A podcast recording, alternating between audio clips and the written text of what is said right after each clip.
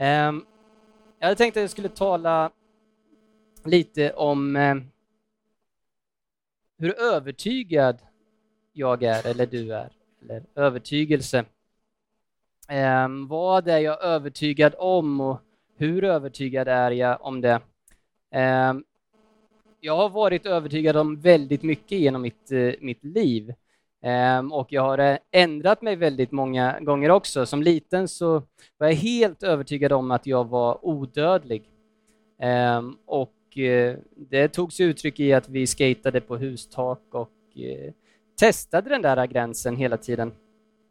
Sen gick det upp ett Liljeholmen så att så icke var fallet. Jag trodde även att jag kunde, eller var helt övertygad om att jag kunde flyga. och det gick inte heller lika bra. Ehm, min son, han är snart eh, två år, eh, som eh, Linda nämnde. Han är helt övertygad om att tomten finns. Han träffade honom, kan man säga, för första gången, ehm, som han förstår i alla fall, den här julen. Han är även övertygad om att jag är starkast i världen. Och många sådana saker som är bra övertygelser som han kan hålla kvar. Ehm, betydelsen av ordet övertygad betyder absolut säker, trosviss, förvissad, fast i tron och orubblig. Ehm, och allmänt så har man haft lite olika sådana övertygelser också, till exempel att jorden var platt ehm, och att man en, en gång skulle segla över den där kanten där borta. Ehm, nyligen så var vi ju övertygade om att det skulle bli nyval. Så blev inte fallet. Ehm, jag var i, i mellandagarna och tittade på filmen Exodus. Har ni sett den? Eh, andra Mosebok och om eh, ehm, judarna som lever i, i eh, slaveri i, i eh, Egypten. Och de var ju övertygade i 400 år om att Gud skulle ingripa. Ehm, sen så, en ganska spännande film. Ehm, men jag tycker det som talade mest var väl första, första meningen på hela hela filmen. Gud är med oss. Ehm, och det är väl lite där i deras övertygelse ligger. Lite kuriosa så läste jag att, att filmen förbjudits i just Egypten och Marocko på grund av att man inte tycker att det är tillräckligt klart i filmen att det är Gud som gör undren. Det kan man fundera på. Men vad kan en eh, övertygelse leda till då? Ehm, och det är lite det jag ska tala om och det kan leda till martyrskap. Martyr betyder egentligen vittne och sen blev det blodsvittne, och det vill säga den som får plikta med sitt liv för sin tro. Varför firar vi annandag jul? Eller annandagen egentligen. Den ligger i anslutning till julen men handlar i första hand inte om julen eller min frus födelsedag som också är då. Ehm, utan annandagen firas till minne av den första kristna martyren. Ehm, och det är Stefanos dag. Ehm, du kan läsa om hans liv i Apostlagärningarna 6 och 7, eh, kapitel 6 och kapitel 7. Och där står det om honom att han var fylld utav nåd och kraft och gjorde stora under och tecken bland folket. Eh, det var en helt läs kapitel 6 och 7. Det är en helt fantastisk beskrivning av Stefanos som ja, men han var fylld av kraft, han gjorde under och tecken, han var fylld av nåd. Um, och så behövde de någon som kunde sköta matutdelningen och där platsade han in med alla de här kvalifikationerna och han gjorde det eh, med ett glatt hjärta. Um, och även när han då lider martyrdöden så, så eh, skiner hans ansikte och han, han säger Gud förlåt dem. Eh, denna synden, eh, håll den inte emot dem. Ehm, och där i den folkmassan fanns även Paulus som vi ska titta lite på senare. Det finns en organisation som heter Open Doors, jag vet inte om du har hört talas om den, eh, som vakar över vad som sker i världen kring just förföljelse utav kristna idag. Och varje år så ger man ut en sammanställning över hur den här situationen ser ut och den kallas för World Watch List. Och längst upp på listan för, tror det var tolfte året i rad, så hittar vi ett land som har varit på tapeten ganska mycket på sistone, eh, nämligen Nordkorea. Och det är ett land där varje religiös verksamhet anses som ett uppror mot de nordkoreanska socialistiska principerna. Och man skriver så här, att situationen för de kristna är mycket hård just nu. Genom att mobilisera alla resurser utav makten försöker Nordkorea desperat att styra samhället i syfte att utrota all kristen verksamhet. Den nordkoreanska regimen har under olika kampanjer på 100 och 150 dagar riktat in sig på att finna, arrestera och döda de hemliga kristna i hela Nordkorea. De har använt olika hemska sätt av tortyr mot de arresterade och kristna används bland annat som försöksdjur vid prov av biologiska och kemiska vapen. 2014. Men trots dessa omänskliga förhållandena så växer kristendomen i Nordkorea och chanserna att få höra det goda budskapet om Jesus Kristus, evangeliet, växer. Det är ju helt fenomenalt. Har du tänkt på att vissa saker växer ju mer motstånd eh, man får? Ungefär som muskler på gymmet, man bryter ner dem för att man sen ska bli starkare. Det är ingenting som jag personligen vet någonting om, men eh, jag har hört att, att det ska vara så. En annan person som både var ett offer och gav sitt liv samtidigt, eh, gav sitt liv och samtidigt var en hängiven troende. Det var Paulus, han som var med när Stefanos eh, stenades. Ehm, och han är ju en av den kristna trons stora gestalter. Ehm, och i ett av sina avslutande brev, det som Linda läste här, andra Timoteusbrevet, ehm, så läser vi lite om hur han beskriver sitt eget liv för sin unga lärjunge eller adept eh, Timoteus. Jag läser igen. Mitt eget liv utgjuts redan som ett offer och tiden är inne då jag måste bryta upp. Jag har kämpat den goda kampen. Jag har fullbordat loppet. Jag har bevarat tron. Nu väntar mig rättfärdighetens segerkrans som Herren, den rättvisa domaren, ska ge mig på den dagen. Och inte bara mig, utan alla som längtar efter hans ankomst. Alltså jag är, jag är fascinerad och imponerad över Paulus liv. Han framstår för mig som urtypen för hur man kan leva som en, som en kristen. För han är en övertygad person, eller hur? Han är brännmärkt av Jesus och en brännmärkning som går långt djupare än någon känsla som kan blåsa förbi. Hans möte med Jesus, det sitter på djupet och berör hans liv med en sån kraft att det påverkar alla hans beslut, hans ställningstagande, hans livsinnehåll. Och på ett sätt skulle jag kunna säga att man kan mäta det genom andens frukter i hans liv. Kärlek, godhet, självbehärskning, frid och så vidare. Och han är stolt över motstånd han möter för han anser att det bekräftar hans rätta ställningstagande för Jesus samtidigt som han anser att tron på Jesus är ett ställningstagande som måste kosta, annars är det ingenting värt att tro på. Nu läser i Filipperbrevet. Hur ofta möter jag motstånd? Och hur ofta är jag stolt över det? Knappast aldrig.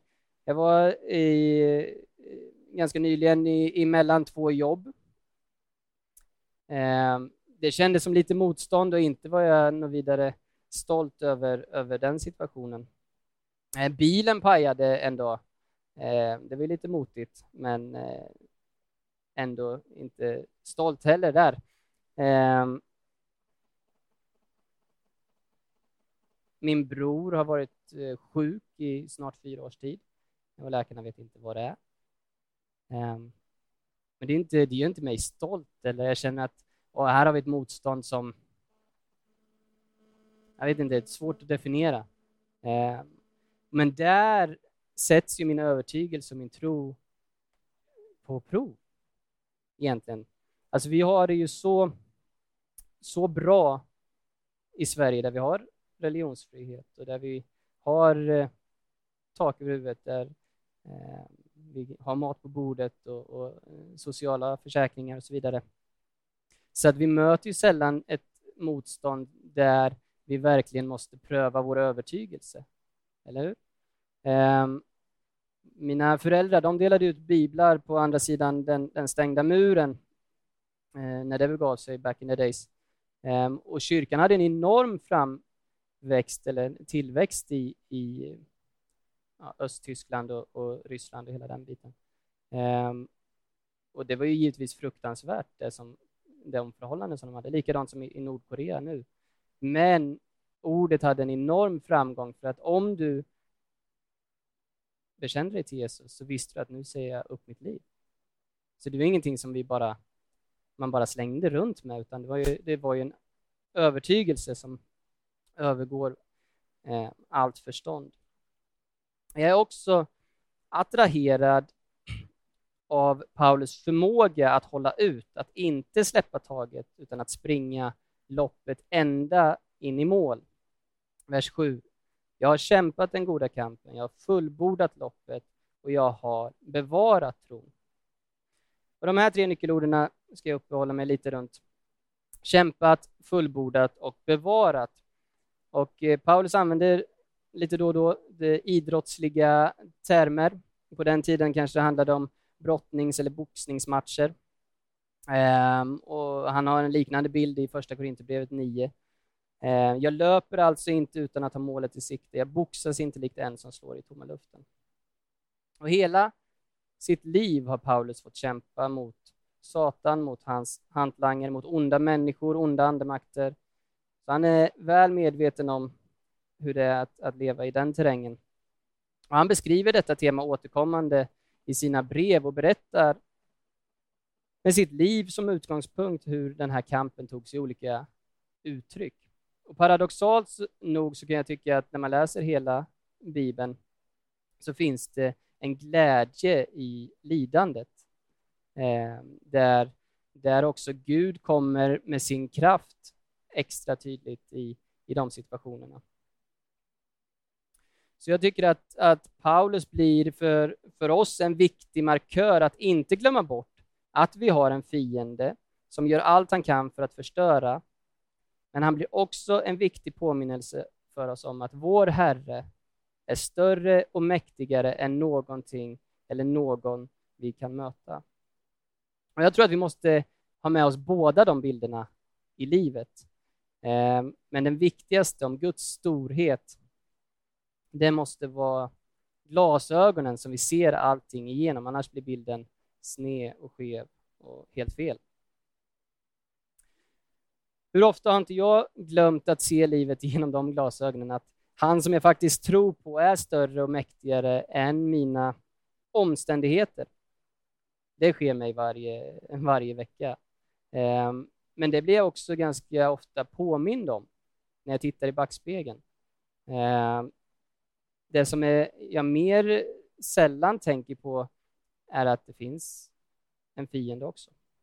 Och Paulus han beskriver en trohet som gör mig både avundsjuk och attraherad. Han talar om ett fullbordat lopp. Han har inte bara startat starkt, utan han har också avslutat starkt. Alltså, hur många av oss är inte bra på att starta saker, men sämre på att löpa linan ut? att vara stark hela vägen. I alla fall så, så är det så för mig. vad är då Paulus knep för att löpa hela, hela vägen?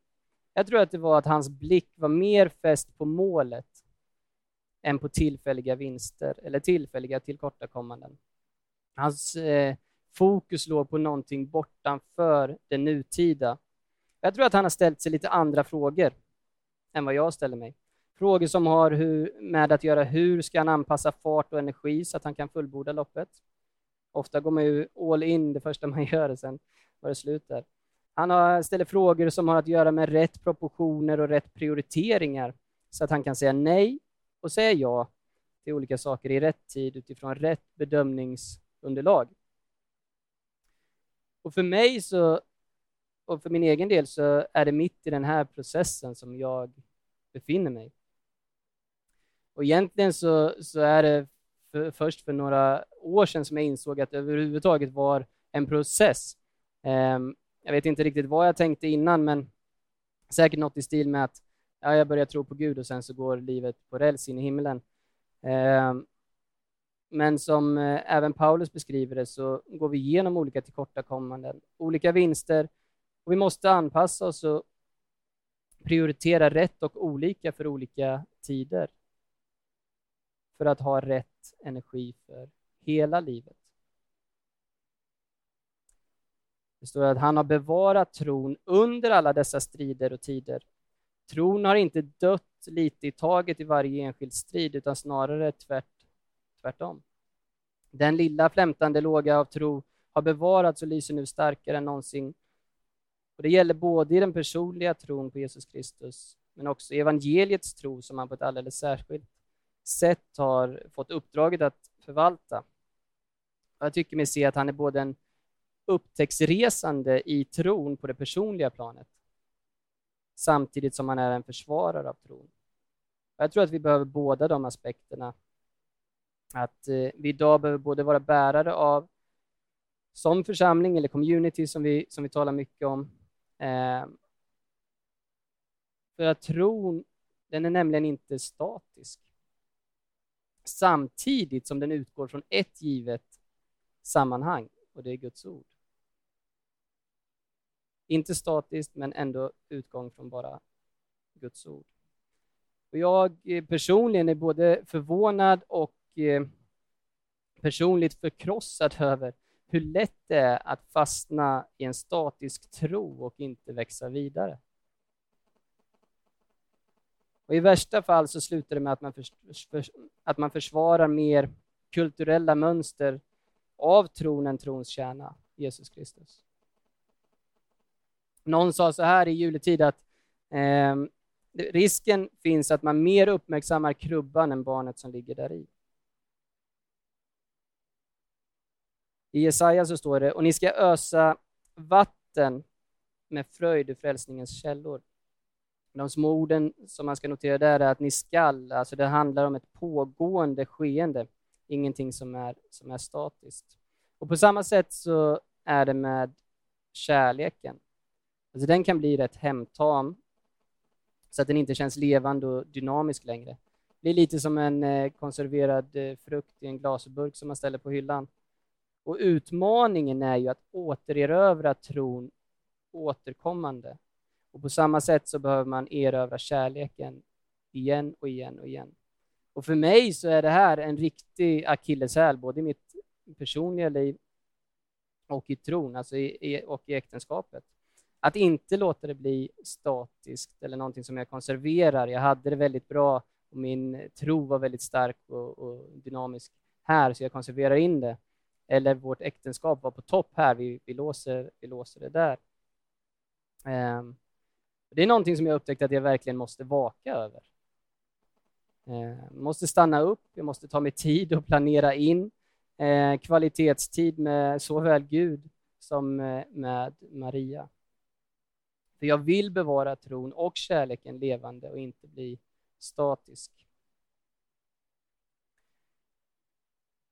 Vill vi verkligen, och jag menar verkligen, vara ett community som är salt och ljus, som har vår stolthet i, i Herren, som finns till för människor både i livets nöd, då det känns som att livet är en ständig uppförsbacke, och i dess glädje då livet känns som ett enda lyckorus och som finns för att verka för att etablera Guds rike som upprättar, befriar och helar människan till att bli Guds avbild. Och som i en mening blir obekväm för sin omgivning då vi agerar profetiskt i en tid med Gud, för människors skull. Hemligheten bakom den kristna kyrkans fullkomligt osannolika spridning och slutgiltiga genombrott i, Roma, i romarriket, det lär ju knappast ha varit en oemotståndlig lycka över att de är ju precis som alla vi andra romare. Eller hur? Utan snarare så måste det ha funnits en tilltagande fascination över att de hade någonting som andra inte hade. Och som just därför kanske var värt att undersöka närmare. Det imponeras med att den första församlingen var inte rädd för motstånd. Om man ser till den första kristna kyrkan så hade den i sin självkänsla en dubbel relation till sin omgivande kultur. Å ena sidan så byggde man eh, genom sin gemenskap och sitt vittnesbörd eh, både i ord och handling ett, ett djupare förtroende hos folket. Det står i Apostlagärningarna att de var omtyckta av hela folket, Apostlagärningarna 2.47. Och där fortsätter man egentligen mönstret ifrån evangelierna om Jesus, där Jesus attraherar vanligt folk genom, att, genom den helande kraft han hade och genom hans ord och, och beröring och han som person. Samtidigt så fick ju den första kyrkan eh, möta motstånd från det religiösa och politiska skiktet som var Ja, där var de ju helt annat eh, än populära kan man säga. Eh, de utsattes för varierande motstånd av olika slag, förlöjligande, förtal, ryktesspridning, eh, regelrätta förföljelse mot, med eh, tortyr och dödsstraff såsom Stefanos. Eh, och de fick kämpa hårt i, i rättssalar och andra offentliga utfrågningar för att förklara vad evangeliet gick ut på. Men de uppfattade, de uppfattade det som sin uppgift att göra evangeliet klart för sina åhörare. Men jag ser inte att de uppfattade det som sin uppgift att göra evangeliet lätt att omfatta. En skillnad där. För de visste att mötet mellan Guds rike och den här världen innebär en konfrontation. Å ena sidan så förstod inte människor vem Jesus var och gjorde våldsamt motstånd mot honom. Å andra sidan, just genom detta motstånd så förverkligade Gud sin plan. Lite paradoxalt. Och det mönstret gav fornkyrkan en, för oss, ofattbar frimodighet att möta motstånd utan att ge upp eller tolka det som att det är dags att ändra budskapet. Därför så fick de också märka hur själva motståndet gång på gång utlöste nya vågor av mission, nya grupper som kom till tro, nya församlingar som bildades, för att vägen till uppståndelse alltid går genom korset. Och jag skulle vilja ge mig till ett community eller en familj som arbetar mot och lever i utgångspunkten av det som vi läser i Filipperbrevet 2. Tänk dig the United Family. Var inte själviska.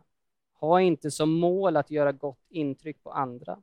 Var ödmjuka och utgå hela tiden ifrån att andra betyder mer än er själva. Tänk inte bara på det som är till er egen fördel, utan visa intresse för andra människor och vad de gör. Ni bör vara sådana som Jesus Kristus var. Fastän han var Gud krävde han inte att få ha kvar sina rättigheter som Gud, utan han avstod sin stora makt och härlighet för att komma till jorden och betjäna oss. Han blev en människa bland människor och flyttade in i kvarteret där vi bor, som vi har talat om mycket. Han gick så långt i sin ödmjukhet att han till och med var villig att dö som en brottsling på ett kors. Och Det var därför som Gud gav honom tillbaka allt det han varit villig att offra, både liv och gudomlighet, och också gav honom ett namn som är större, som ett namn med större makt än alla andra namn. Han gjorde det för att alla knän ska böjas inför detta namn, i himlen, på jorden och under jorden. Och för att alla utan undantag ska bekänna att Jesus Kristus är Herre och därmed vår Gud och Far. Jag tycker att det finns i Jesu liv två perspektiv. Eh, det ena handlar om att avstå. Han avstod från sin ställning, sin jämlikhet med Gud, att, att eh, eh, vara obegränsad, att veta allt samtidigt, vara i alla tider samtidigt och så vidare. Eh, men han avstod inte ifrån att vara älskad. Det andra som är så uppenbart är också att Jesus antog någonting. Han antog, eh, han blev en tjänare. Han gjorde sig tillgänglig, sårbar, utsatt och iklädde sig mänsklighetens signum, nämligen att känna med och för en annan människa mer än sig själv. Jag läste någonstans att sympati handlar om att känna med en människa, medan empati innebär att vi känner in en människa. Syftet med sympati är den andres välmående, medan det primära syftet med empati är förståelse. Och själva förmågan till empatiskt tänkande, att känna in en annan människa, den varierar hos oss människor. Vi har olika grad av empatiskt tänkande. Eh, vi är helt enkelt olika. Men alla av oss har förmågan och möjligheten att utveckla detta tänkande under livets gång. Empati handlar om att förstå sin medmänniska och om förmågan att kunna sätta sig in i en annan människas tankevärld.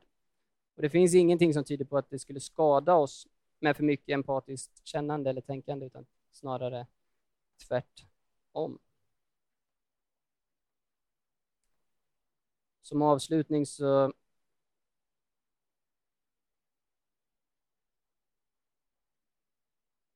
så ser det som att eh, Jesus har två huvudord. Vi har talat lite om, om övertygelse och Eh, om församlingen, communityt. Och de två orden är kom och gå. Han säger kom till mig var och en. Han vill vara nummer ett i våra liv. Han vill inte vara nummer tre på julen när det är lite mysig julstämning och sen nummer 17 den 13 januari, utan han vill vara nummer ett hela tiden. Han vill inte vara nummer ett när flygplanet håller på att krascha och sen tillbaka på nummer fem när livet är normalt igen. Därför, han vill vara herre hela tiden. Därför säger han kom. Och hans andra ord är gå. Eh, så fort man har kommit till honom och vill krypa upp i hans famn och, och mysa lite där, då börjar han viska just det, gå. Och gå ut i hela världen och gör alla folk till lärjungar. Och en kyrka som svarar ja på båda de här två huvudorden som Jesus har, tror jag får en enormt viktig uppgift att fylla och en utmaning att gå in i. Och det finns en stor risk, tror jag, framöver, att den kyrkan kan bli en del av den förföljda kyrkan. Är vi villiga att ta den risken? Är min avslutande fråga.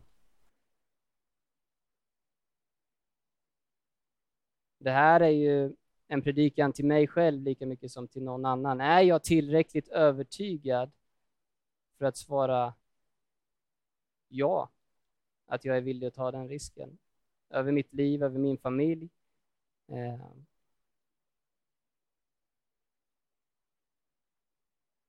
Och om jag inte är det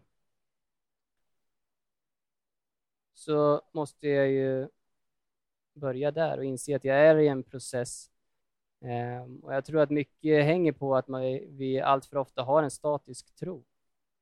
Ehm, och tron behöver vara levande genom att vi kommer till Jesus, att vi söker kvalitetstid med honom, att vi söker att lära känna honom ännu mer, att vi söker kontakt med honom för att det är ju där tron föds och övertygelsen på honom. När jag ser att han håller, när jag ser vem han är, så blir jag övertygad om att det är rätt, eh, sant och riktigt.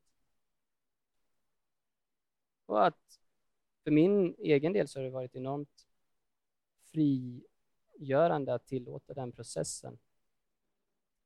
Men det är också viktigt att den hela tiden går framåt att man inte blir statisk även i sin, i sin process eller kärlek.